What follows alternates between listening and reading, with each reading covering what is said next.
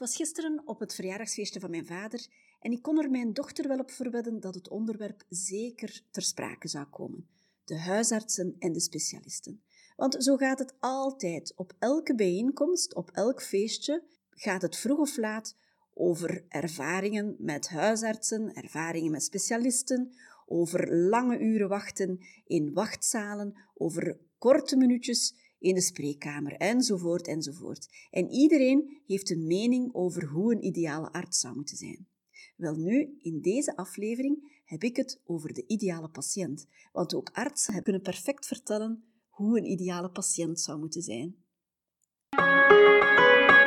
Van harte welkom bij de podcast van Dr. Geluk. Een podcastreeks waarbij je weer een stapje dichter komt bij je allerbeste leven.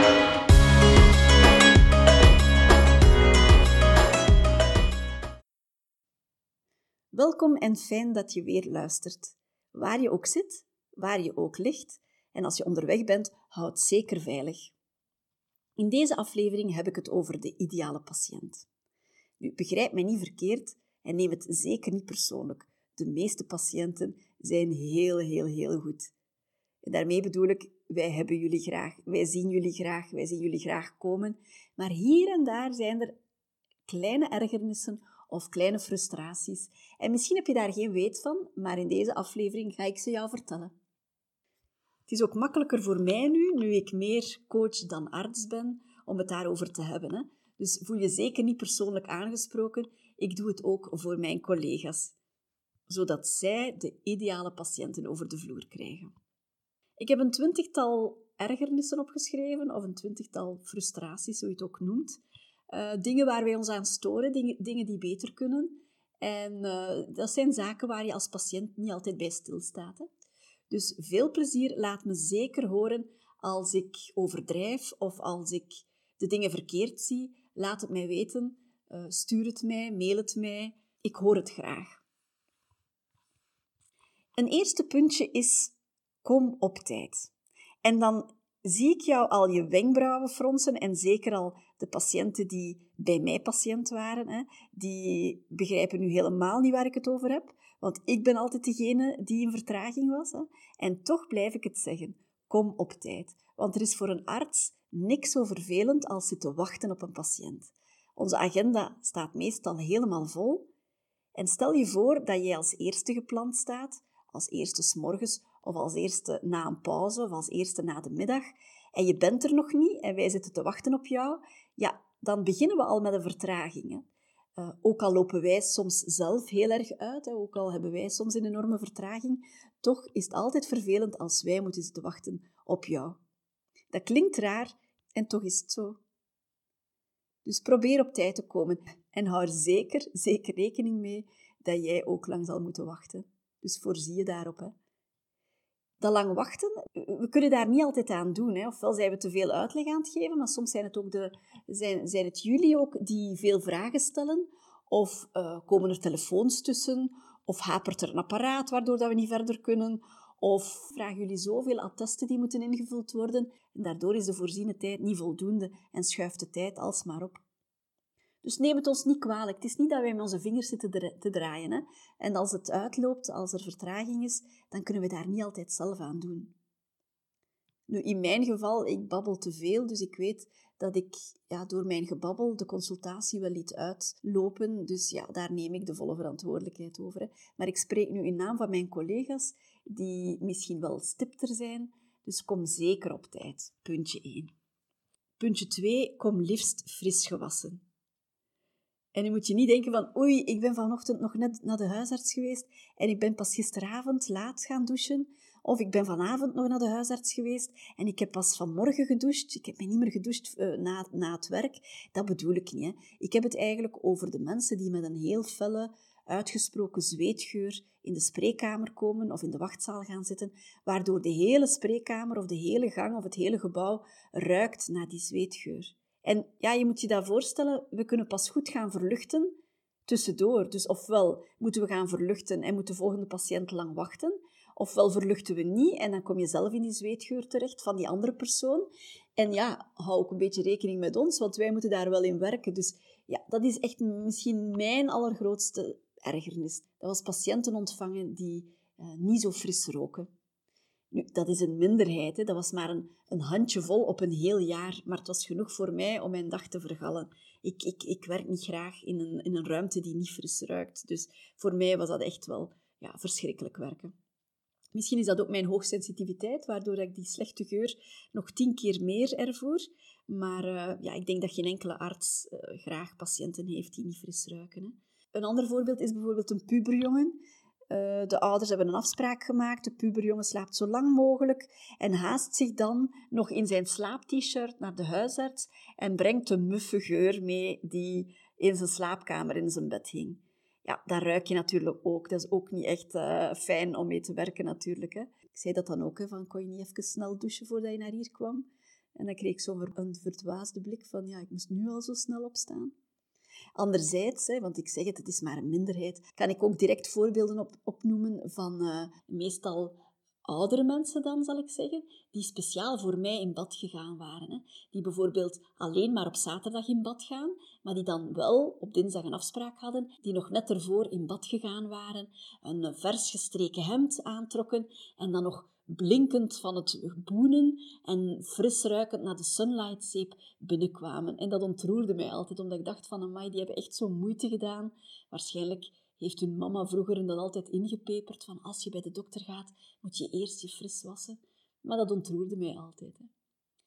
En dan heb je de mensen die na het werken afspraak hadden en die zich tien keer verontschuldigen dat ze misschien een beetje ruiken naar het zweet en dat ze niet meer de tijd hadden om zich thuis te gaan verfrissen. Maar dat zijn niet de mensen die slecht ruiken. Hè. Die zijn s'morgens nog in de douche geweest of de avond voordien en die ruiken helemaal niet slecht. Hè. Dus voel je daar zeker niet bij aangesproken. Het is vooral zo die, die felle zweetgeur van dagen niet gewassen te zijn of dagenlang dezelfde kledij aan te hebben. Daar kon ik me wel aan storen. Puntje 3, en dat ligt in dezelfde lijn. Als je nuchter moet komen, dan zeggen we altijd van je mag niet eten. Je mag wel water drinken of een kop zwarte koffie drinken, maar eet niet. Nu, dat wil niet zeggen dat je niet je tanden moet poetsen voordat je bij ons komt. Hè? Want niks zo erg als een onfrisse adem. Dus je mag best je tanden poetsen. Dat gaat niks veranderen aan je laboresultaten. Dus je mag best je tanden poetsen. Hè? En nu ik daar toch over bezig ben, misschien ken je dat wel, een tongschraper. Een tongschraper is zo'n uh, ja, zo'n plastieke ding dat je in de supermarkt koopt of bij de apotheker, waar je je tong mee kan schoonschrapen. En je moet je voorstellen, als je een ganse nacht niet gegeten en niet gedronken hebt, dan vormt er zich zo'n laagje, een laagje van slijm gemengd met bacteriën, op je tong. En dat is ook iets dat niet fris ruikt. Nu, als je je tanden poetst, uh, poets dan ook zeker je tong mee. Hè. En als je eet en drinkt, verdwijnt dat ook wel. Maar als je dan nuchter komt, kan je je voorstellen dat mensen niet zo fris ruiken uit hun mond. Dus om maar te zeggen, ook altijd fijn voor ons als je je tanden poetst s morgens. En nu denk je, oh nee, gaat het zo'n aflevering worden? Maar het zijn maar dingen die direct in mijn hoofd komen en die ik jou wil meegeven, want niemand anders vertelt jou dat misschien. Hè. En de meeste mensen die poetsen ook hun tanden hè, als ze komen, maar hier en daar is er iemand ja, voor wie deze boodschap dan wel geldt. Puntje 4. Breng ook altijd je identiteitskaart mee. In deze tijden van uh, uh, elektronische dossiers is het heel belangrijk van je ID-gegevens te hebben. Hè. En misschien zijn die al ingelezen en misschien heeft de arts dat niet nodig, maar breng je identiteitskaart toch maar zeker mee. Zeker als daar al een paar keer op aangedrongen is, hè, want dat wil zeggen dat je dossier niet volledig is, dat we sommige gegevens ontbreken. En het is belangrijk om je voorschriften te laten maken, om bepaalde attesten te maken, hebben we die identiteitskaartgegevens zeker nodig. Een ander puntje is lijstjes. Ik denk dat wij artsen allergisch zijn aan lijstjes. Het ergste wat, wat we kunnen horen, dat is een patiënt die binnenkomt en die zegt Haha, dokter, ik heb veel hoor vandaag. Ik heb het allemaal opgeschreven, wat is nogal veel hoor. En dan dacht ik, oh nee, oh nee, dat gaat niet. Ik heb maar twintig minuten. Hè. En sommige artsen hebben maar tien minuutjes tijd om iemand te helpen. Als je een heel drukke praktijk hebt, dan moet je het, dan moet je het dikwijls sneller doen. Dus ja, op 10 minuten en, en zelfs op 20 minuten kan je niet een heel lijstje afwerken. En dat is niet dat we dat niet willen, maar dat gaat gewoon niet. Elke klacht die wordt geëxploreerd. Dat begint met een anamnese. Bijvoorbeeld kniepijn. Hoe lang heb je die kniepijn al? Wanneer doe je kniepijn? Is dat ook s'nachts? Is dat ook als je de trap afkomt? Dus wij stellen vragen om een duidelijker beeld te krijgen van je klacht. Dan volgt er een onderzoek. Dan volgt er een diagnose, de uitleg van de diagnose. En dan gaan we zeggen van, dit is jouw behandelingsplan. Ofwel laat foto's nemen, ofwel ga bij de kinesist, ofwel neem rust, ofwel neem medicatie, of alles tegelijk. Maar in elk geval, daar doe je al een kwartier over om al die dingen uit te leggen. Stel je voor dat je dan nog twee, drie, vier andere klachten daarbij hebt. Dat gaat gewoon niet. Dat kan je niet tijdens één consultatie doen. Dus ik zou zeggen, als je je huisarts of de specialist niet ambetant wil maken, als je die wil zien blijven lachen, als je die zijn gezicht niet wil zien vertrekken, ga gewoon met één klacht. Eén klacht en stel dat je toch een tweede klacht hebt, een tweede probleem, zeg het al meteen op voorhand. Zeg, dokter, ik heb één probleem en dan heb ik nog een klein vraagje als daar tijd zou voor zijn. En dan kunnen we daar rekening mee houden.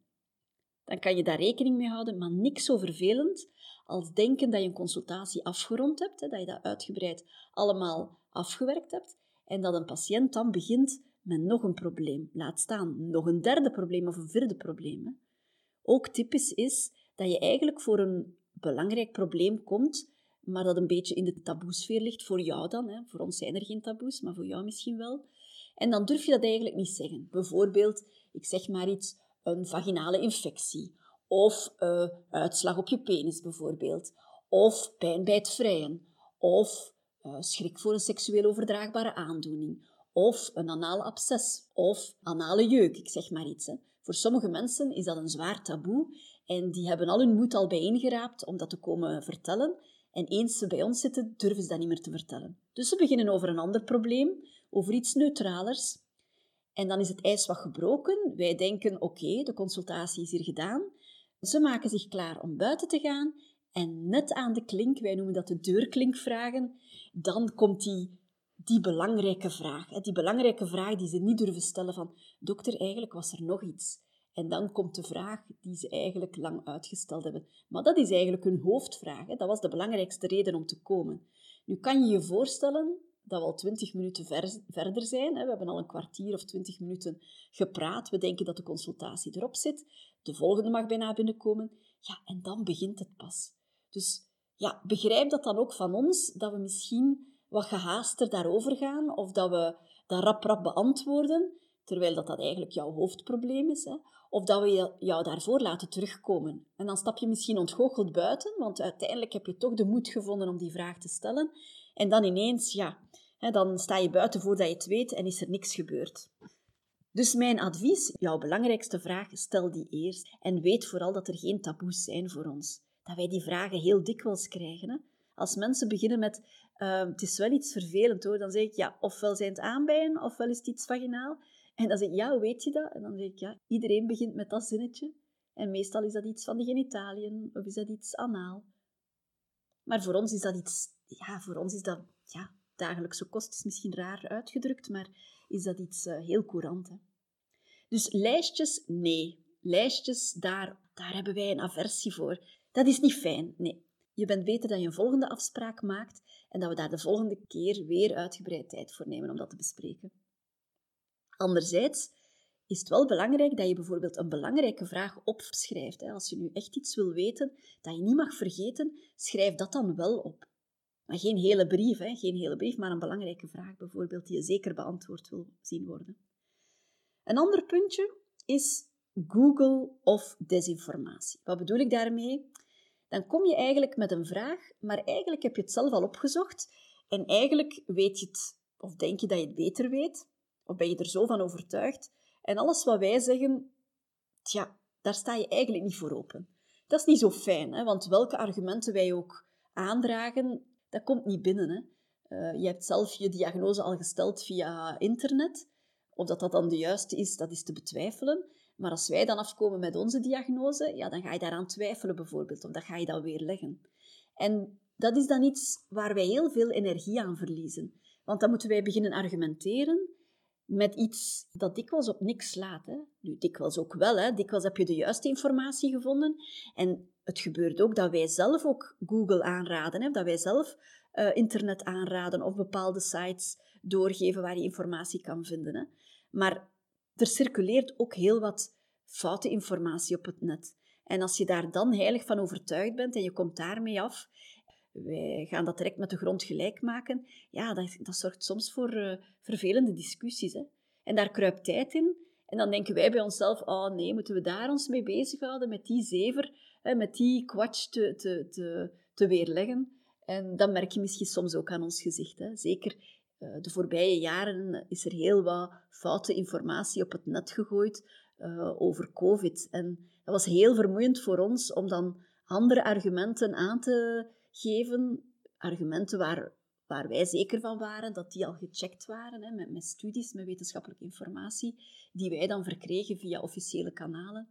Maar dat is heel vermoeiend om zo met desinformatie aan de slag te gaan. Hè.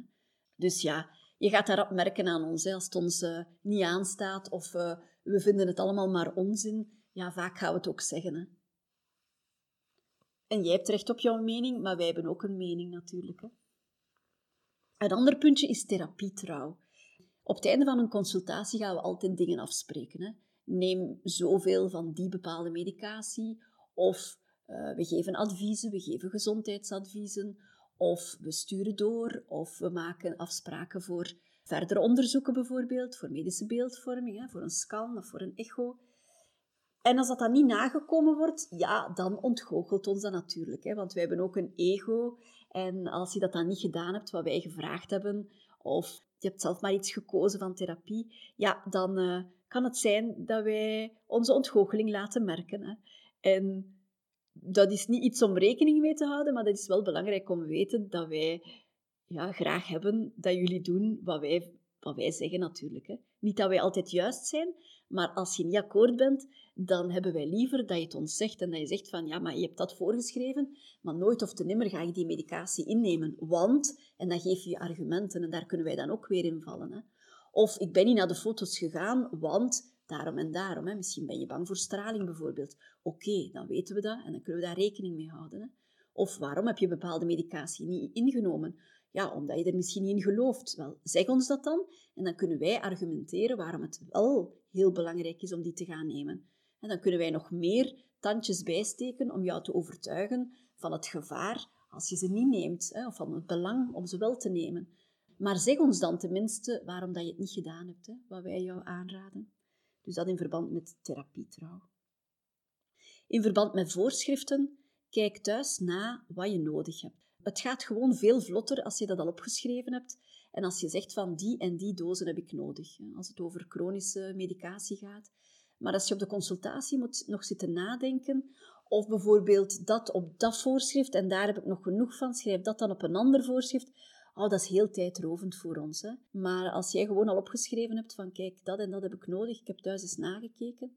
Het zou niet de eerste keer zijn dat ik op huisbezoek naar een kast ga, als iemand op de zetel ligt en ik zeg, ja, ik ga zelf eens kijken in jouw kast wat je nog liggen hebt, dan zie ik daar ineens vijf dozen van dezelfde bloedverdunner staan of van dezelfde bloeddrukverlager staan. En dan denk ik, hoe is het mogelijk? Je vraagt elke keer nieuwe dozen en je hebt hier nog vijf dozen staan. Dat is voor niemand uh, goed, hè? dat is voor jou niet goed, want dat kost wel wat, dat kost ook wel wat aan de maatschappij. En dat is allemaal uh, dubbel werk. Dat is werk voor mij, dat is werk voor de apotheker en dat is niet nodig. Hè? Dus kijk dat goed na Kijk ook na naar de vervaldatum van je medicatie, als je medicatie lang in de kast staan hebt bijvoorbeeld. Maar uh, laat ons exact weten wat je nodig hebt van voorschriften. En zorg ervoor dat die voorschriften ook op tijd bij de apotheker geraken. Hè. Ook de apotheker heeft graag dat alles in orde is. Die krijgen pas hun geld als hun voorschriften in orde zijn. Um, die moeten alles indienen tegen een bepaalde datum bij de mutualiteit. Dus ja, zorg ervoor dat die voorschriften allemaal in orde zijn. Dan is de apotheker blij, wij zijn blij en je bent zelf ook blij dan. Wat met valse attesten? Dat is pas een no-go, dat doen we niet. We schrijven geen valse attesten en het is ook niet nodig om die te vragen. Jij kan daar in de problemen mee komen en wij kunnen daarvoor ook in de problemen. We kunnen daarvoor naar de rechtbank moeten. Wij kunnen daarvoor naar de orde van geneesheren geroepen worden. Dus doe dat niet. Vraag het niet en wij gaan ze niet geven. Dat is liegen, dat is bedriegen, dat is fraude. Vraag het gewoon niet. Ook bijvoorbeeld attesten om niet te hoeven mee te turnen of om niet te hoeven mee te zwemmen, bijvoorbeeld. Dat is niet fijn als je ons dat vraagt. Hè. Als jij een gebroken been hebt, uiteraard ga je dan niet moeten zwemmen. Hè. Als jouw pols gebroken is, uiteraard ga je niet moeten meeturnen. Daar gaat niemand over discussiëren. Maar dikwijls is het zo bijvoorbeeld, in het begin van het schooljaar zijn er nogal vaak loopwedstrijden of, of schoolloopwedstrijden. En dan wordt er heel wat afgelopen in de lessen lichamelijke opvoeding. En hier en daar heb je dan iemand en die zegt van, kan je mij geen attest schrijven om niet te moeten meelopen, want ik heb kniepijn, bijvoorbeeld, of mijn enkel doet pijn. Kan je mij dan een briefje schrijven dat ik de komende drie maanden niet moet meelopen, niet moet meeturnen? Tja, nee. Als er echt een probleem is en jouw knie doet zoveel pijn, wel, dan gaan we dat verder onderzoeken. Dan gaan we zien wat het probleem is aan die knie. Of dat echt zo erg is dat je niet mag lopen. Maar we gaan niet zomaar een briefje schrijven om niet mee te turnen of om niet mee te zwemmen. Hè. Ik heb zo eens een meisje gehad en die wou niet meezwemmen en ik begreep niet waarom.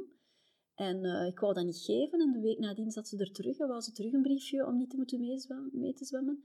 En ik vroeg haar, maar wat is er eigenlijk? Wat, is het eigenlijk echt waarom dat je niet wil meezwemmen? En toen bleek dat een van haar beide borstjes niet meegegroeid was. Hè. Dus ze had één ontwikkeld borstje en één borstje was door een afwijking niet meegegroeid. En ze had daar natuurlijk enorme schaamte van, hè, om zo voor haar klasgenoten te verschijnen in badpak, met een platte borst en met een ontwikkelde borst. Ja, gelukkig dat zij dat dan eerlijk ook kon zeggen nadat ik erom gevraagd had. We hebben dat dan ook verder, uh, uh, dat probleem aangepakt en dat verder laten behandelen. Hè. Maar anders uh, zou ik het niet geweten hebben. En zij zocht dus een excuus om niet te moeten meezwemmen, omdat zij gewoon beschaamd was. Attesten voor school en voor werk van de vorige weken bijvoorbeeld, of de vorige maanden, ja, dat doen we ook niet. Hè. Hoe kan ik jou een briefje schrijven dat jij, om te attesteren dat jij bijvoorbeeld twee weken geleden ziek was op school? Ik weet dat niet, ik was daar niet bij, ik heb jou toen niet gezien, ik kan dat ook niet inschatten. En ik ga dat ook niet schrijven. Dat is heel vervelend dat ik dat moet doen.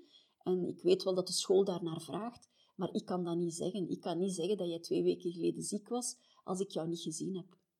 Laat staan dat ik jou een attest ga schrijven dat je ziek bent, omdat je een halve dag vroeger op vliegtuigreis eh, wil vertrekken. Dat gaan we niet doen, hè. dat is geen ziekte. Er is geen enkele reden om daar een ziektebriefje voor te schrijven. Dat gaan we ook niet doen, dus je hoeft dat ook niet te vragen. Dat is iets tussen jou en de school en dan moet jij maar eh, opgelost zien te krijgen. Maar daar dienen geen ziekteattesten voor. Ik heb ooit eens een, ehm, een patiënt eh, een ziektebriefje gegeven omdat zij verschrikkelijke rugpijn had. Hè. Nu, bij onderzoek kwam daar niet zoveel uit, maar oké, zij had hevige rugpijn, zij kon niet werken. Ik heb haar toen een briefje gegeven voor die dag. En twee uur nadien belde de controlearts mij op en die zegt, ja Saskia, je weet toch dat die patiënte in haar uh, rubberen laarzen staat een greppel te graven in haar tuin. Nu, wat bleek, die vrouw had geveinsd dat zij hevige rugpijn had. Ik had haar geloofd, hè. Ik, ja, ik geloofde haar. Maar zij had geen vakantiedagen meer en er waren werkzaamheden in haar tuin. En er moest daar samen met haar familie een greppel gegraven worden. En zij had er niet beter op gevonden dan te zeggen dat ze rugpijn had. En dan had ze een ziektebriefje, moest ze geen vakantie meer nemen en kon zij mooi gaan meewerken thuis. Je begrijpt natuurlijk dat er wel iets gebroken was hè, van, uh, uh, in ons vertrouwen, of in mijn vertrouwen naar haar toe. Dat was niet fijn. Hè? En waarschijnlijk gebeurt het nog hè, dat mensen het hebben over diarree of over uh, hevig overgeven s'nachts en ze kunnen dan niet gaan werken. Dat is heel jammer als er gelogen wordt. Die dingen kunnen wij niet controleren en wij zijn ter goeder trouw. En ja, wij gaan daarin mee en soms zijn we daarin fout, maar dat kunnen wij niet controleren. Maar dat is niet zo fijn als achteraf blijkt dat daar niks van aan is. Hè. Soms komt dat, dat toch uit. Of soms zien we dan uh, een ander familielid en die verspreekt zich dan en die zegt dan, nou, we zijn samen gaan winkelen. En, en uh, dan denk ik, ha, ik heb die nog maar net gezien vanmorgen op de consultatie, die was zo ziek. Of die zei dat ze zo ziek was, of hij zo ziek was. Als dat dan uitkomt, dat is niet zo fijn voor ons om dat te weten te komen. Hè. Ook in de andere richting bijvoorbeeld. Hè. Soms wordt iets verzwegen uit schaamte. Ja, ik herinner mij een vrouw die vol blauwe plekken stond. Ze was van de trap gevallen. Eh, oké, een heel onderzoek en uh, behandeling en zo. Maar uh, pas heel veel later is uitgekomen dat haar man haar van de trap geduwd had. Hè. En had zij mij dat meteen gezegd, dan hadden wij meteen de juiste instanties kunnen inschakelen om haar te helpen. En nu zijn daar, uh, ja, nu zijn denk ik meer dan een jaar overheen gegaan. Gewoon omdat zij niet durfde zeggen wat de echte reden was van haar blauwe plekken. En soms heb je dat wel door, als dat zo'n paar keer gebeurt. Nu, bij haar had ik dat niet door, dat was maar eenmalig dat ik haar zag met die blauwe plekken. Maar soms als iemand vaak ziet terugkeren met verhalen die eigenlijk niet kloppen, ja, dan gaat er ergens wel een belletje rinkelen. Dus ja, wees ook eerlijk. Hè. Wees eerlijk. Het, het versterkt alleen maar de relatie met je artsen. En uh, het, het levert jou ook iets op. Als je niet eerlijk bent, dan doe je jezelf ook tekort. Een ander puntje van irritatie of van ergernis, dat is bijvoorbeeld als je voorkruipt in de wachtzaal. Hè. Als de volgende patiënt dan binnenkomt en die zegt, dokter, ga je iets zeggen. De vorige patiënt, ja, die is echt wel voorgekropen hoor. Dat is niet fijn om dat te weten te komen. Hè. Als ik, als ik dat weet, en dat zijn meestal ook dezelfde personen altijd die dat doen, ja, ik heb daar dan automatisch ook een, een beeld van dat niet zo fraai is. Hè. Iedereen wil graag snel geholpen worden. En mensen zitten niet graag te wachten en hebben andere leuke dingen te doen dan in een wachtzaal te zitten. Maar ga dat niet voorkruipen. Hè. Hier en daar gebeurt dat wel eens. En ehm, ja, dan zal je misschien automatisch denken van het zullen wel gepensioneerden zijn zeker die dat doen. Hè. Ehm, terwijl dat die tijd genoeg hebben. En een andere collega die antwoordde toen is van ja, maar die hebben ook geen tijd. Hè. Die, hun tijd is bijna op, die gaan niet meer zo lang leven. Dus dat is logisch dat die willen voorkruipen, want die, die willen nog heel veel andere dingen doen. Dus zo kan je het ook bekijken. Wat er ook kan natuurlijk, en, en dat is ook al vaak gebeurd, hè, als daar een jonge mama zit met een huilend babytje dat ziek is, of een kindje dat ellendig op de schoot van een papa zit met een oorontsteking en die zit aan te schuiven of die zit te wachten, uh, laat die dan ook voorgaan. Hè. Dat gaat jou gewoon veel sympathieker maken. Soms stellen wij dat voor als we in de gang komen en we zien volk zitten, of we zien een ziek kindje zitten van, ga maar voor. Maar als jullie het zelf ook voorstellen, ja, dat is zo, zo fijn, zo sympathiek. Dat is gewoon heel mooi om te zien ook. Hè. Iemand voor laten gaan die, die er ziek, die, die er erg aan toe is, die, die, die er ellendig aan toe is. Wat we ook soms zien in de wachtkamer of in de wachtzaal, dat is dat ouders zo druk bezig zijn met zichzelf, of zo ziek zijn, of, of op hun telefoon zitten te tokkelen, en dan niet zien wat de kindjes intussen doen. En dan, ja, uh, tot onze grote verrassing zien we dan s'avonds tekeningen op de muur, of tekeningen op een stoel, of tekeningen op de vloer, of uh, halve koeken liggen achter een stoel of achter een tafeltje, of een hele wachtzaal vol kruimeltjes bijvoorbeeld. Dus ja, ook dat is natuurlijk niet zo fijn voor ons. Dat doe je thuis ook niet in je woonkamer. En wij hebben overdag niet de tijd om nog te gaan poetsen tussendoor. Die dag zit helemaal vol. Dus let daar ook een beetje op. En ook dat is weer een minderheid natuurlijk. Ik vertel dat hier, maar uh, meestal kan ik daar niks verkeerd van zeggen. En meestal hebben jullie, uh, hebben jullie flinke kindjes en, en, en houden jullie zich bezig met de kindjes als jullie komen. Maar hier en daar, ja, dan, dan komen we toch op rare verrassingen uit. Of is ineens het speelgoed verdwenen uit de wachtkamer. Of is ineens het, uh, het wc-papier uit de wc verdwenen. Ja, rare dingen. Rare dingen. Lampen die verdwijnen of, of spullen uit de onderzoekskamer als we eventjes weg zijn. Dat we dan terugkomen.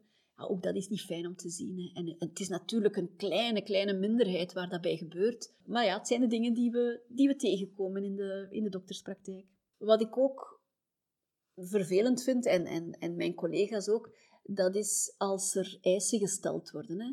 Dokter, je moet mij nu... Ja, als dat moeten er al bij is, dat is al... Maar dat is in elke communicatie zo. Dat is thuis in jouw relatie zo, dat is zo op jouw werk zo. Dat, dat moeten, dat eisende, de manier van vragen stellen, dat is wel, daar is heel veel verschil op. Hè. Dus ja, beleefdheid en respect en zeker geen agressief gedoe. Ik denk dat dat voor alle situaties geldt en ook in de dokterspraktijk. Ik denk dat mensen op de spoed daar vooral veel last van hebben. Als de emoties hoog oplopen, eh, als mensen nerveus en bang zijn of, of eh, verdrietig zijn, dat ze ook heel rap woedend worden als iets niet rap vooruit gaat. Dus vooral mensen op een spoedopname, die hebben veel last van, uh, van agressieve patiënten. In de huisartsenpraktijk valt dat mee, ik kan daar niks van zeggen. Beleefdheid natuurlijk, ja, dat is altijd mooi meegenomen. Hè? En meestal is dat ook zo, meestal zijn mensen ook beleefd.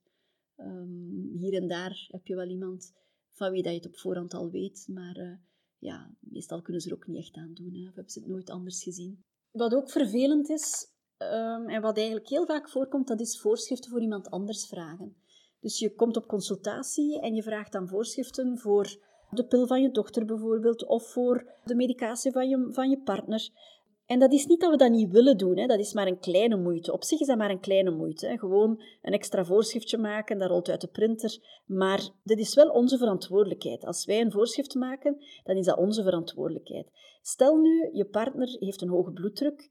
En oké, dat zijn altijd diezelfde pilletjes, elke keer, hè, dozen voor drie maanden, altijd diezelfde, diezelfde pilletjes. En dat is natuurlijk logisch dat je zegt van, oké, ik ga een extra doos meenemen voor mijn partner, hè, dan heb ik dat voorschrift liggen.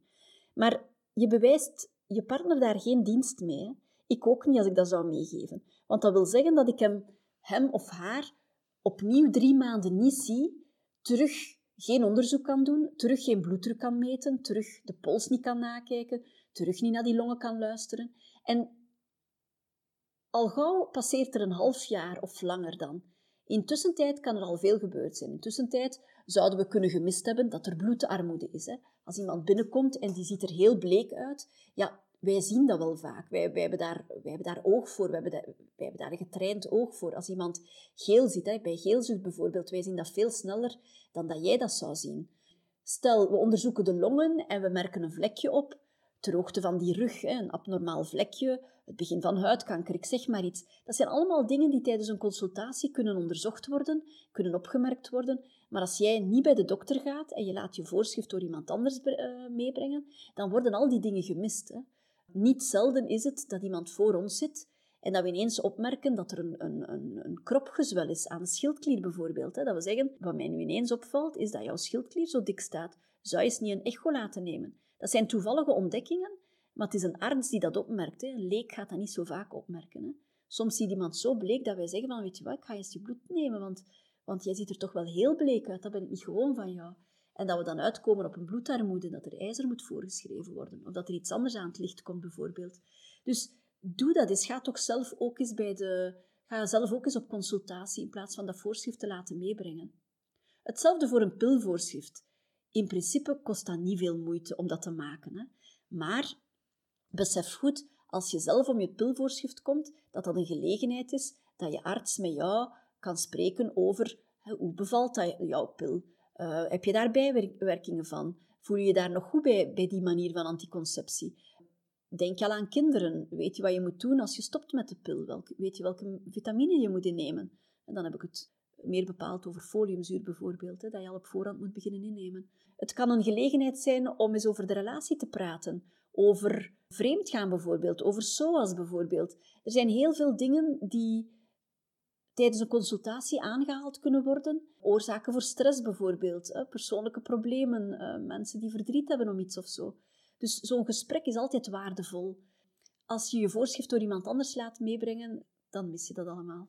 Wat we ook niet goed kunnen verdragen, dat heb je waarschijnlijk al gemerkt, dat is als je over een andere arts zou beginnen tegen ons, over, over specialisten of over artsen.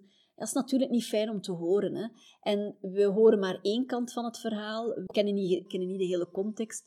Dus hou rekening mee dat wij collegiaal zijn en dat wij dat niet gaan doen. Hè? Wat niet wegneemt dat wij soms een oordeel hebben over collega's. Hè? Of dat als, uh, als we vaak dezelfde verhalen horen over collega's, dat wij misschien niet meer gaan doorverwijzen naar, naar die ene specialist die altijd onbeschoft zou zijn, of die ene specialist die altijd lomp uit de hoek komt. Hè? Dat, dat kan ook wel zijn. Wij gaan jou niet naar de mond praten, hè. We, we blijven collegiaal, dat is wel een feit.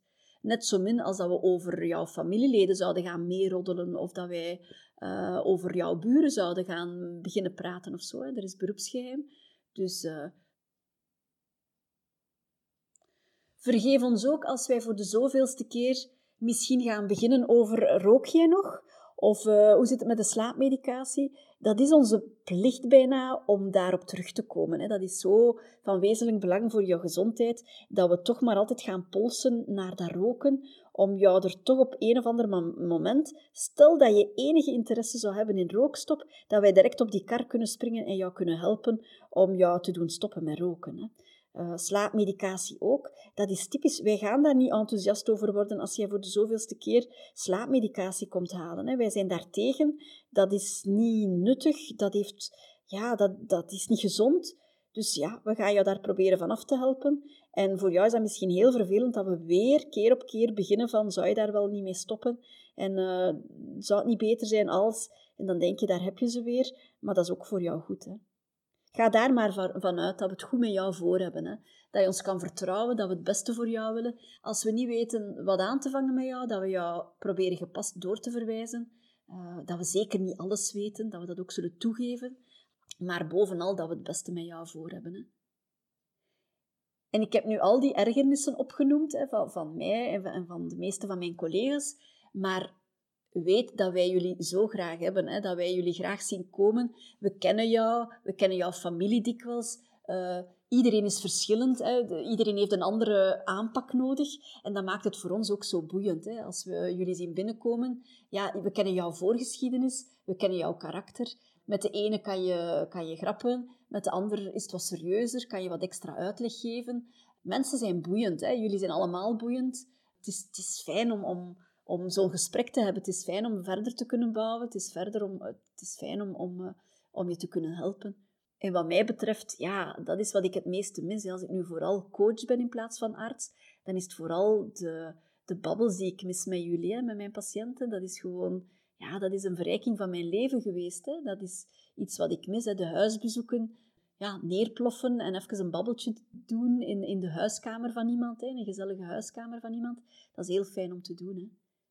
En als we dan gehaast zijn, ja, dat is niet persoonlijk. Neem dat niet persoonlijk. Er zou niks leuker zijn dan een hele namiddag zitten koffie te drinken bij jullie. Hè. Dat, dat, dat zou fijn zijn, dat zou heel ontspannend zijn. Maar de tijd roept, hè. de klok tikt. En wij moeten tegen s'avonds iedereen gezien hebben. Dus logisch dat wij altijd maar gehaast zijn. Hè. En er zou niks fijner zijn dan maar tien patiënten op een dag te moeten doen. Hoe, hoe zalig zou dat zijn om op het gemak iedereen en de preventieve onderzoeken zouden kunnen besproken worden. Jouw stresssituatie zou helemaal onder de loep kunnen genomen worden. En dan nog een keer jouw huidige klachten. En heel veel tijd hebben voor, voor jou, vooraleer we aan de volgende terug beginnen.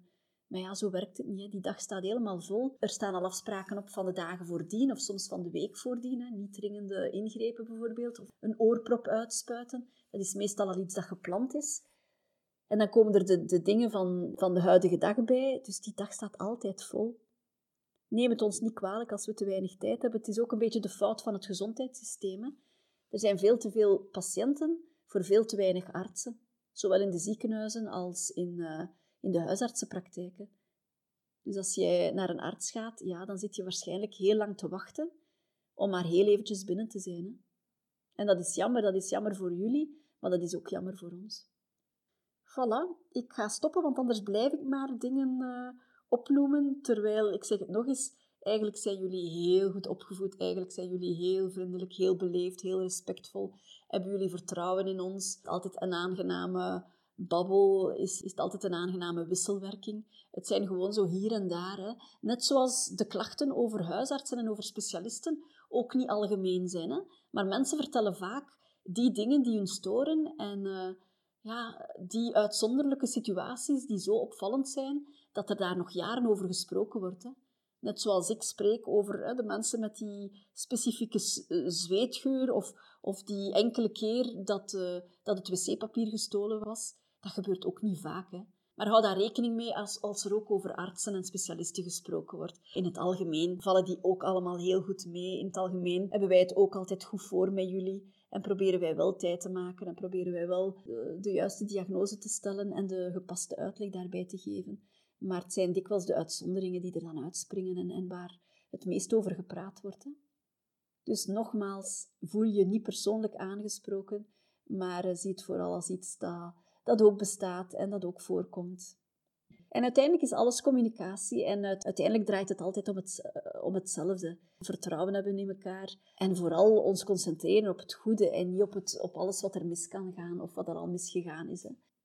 En we zitten hier in België in een supergoed gezondheidssysteem. Jullie weten dat ook wel, maar wij als artsen weten dat zeker. Hè. Dat zit hier zo supergoed ineen, dat is hier zo democratisch. Ons gezondheidssysteem is zo betaalbaar als je dat vergelijkt met de Verenigde Staten. De kwaliteit is heel hoog. Hè. De wachttijden zijn eigenlijk heel goed. Als je dat vergelijkt met Nederland, met Engeland, dat is dramatisch daar. Hè. In België zit je heel goed. Hè. Als je een operatie nodig hebt, dan, uh, dan kan je heel snel een operatie krijgen. Hè. Als je een dringende afspraak nodig hebt bij een specialist, dan kan je huisarts daarvoor zorgen. We zitten hier echt in een, een paradijs qua gezondheidszorg. Of dat zal blijven, dat weet ik niet. Maar nu in elk geval is het hier heel goed. Dankjewel voor het luisteren. Als je hier een opmerking over hebt, als je mij hier iets wil over zeggen, als ik ergens heel erg verkeerd ben geweest, laat het mij weten via Instagram of Facebook. Daar vind je mij onder Dr. Geluk. Ik heb ook een website www.doktergeluk.com. En volgende week ben ik er terug met een nieuwe aflevering van de podcast van Dr. Geluk. Fijne dag, hou je goed en vergeet niet, elke dag is een dag om een betere versie van jezelf te worden, zodat je je allerbeste leven kan hebben. Tot de volgende keer!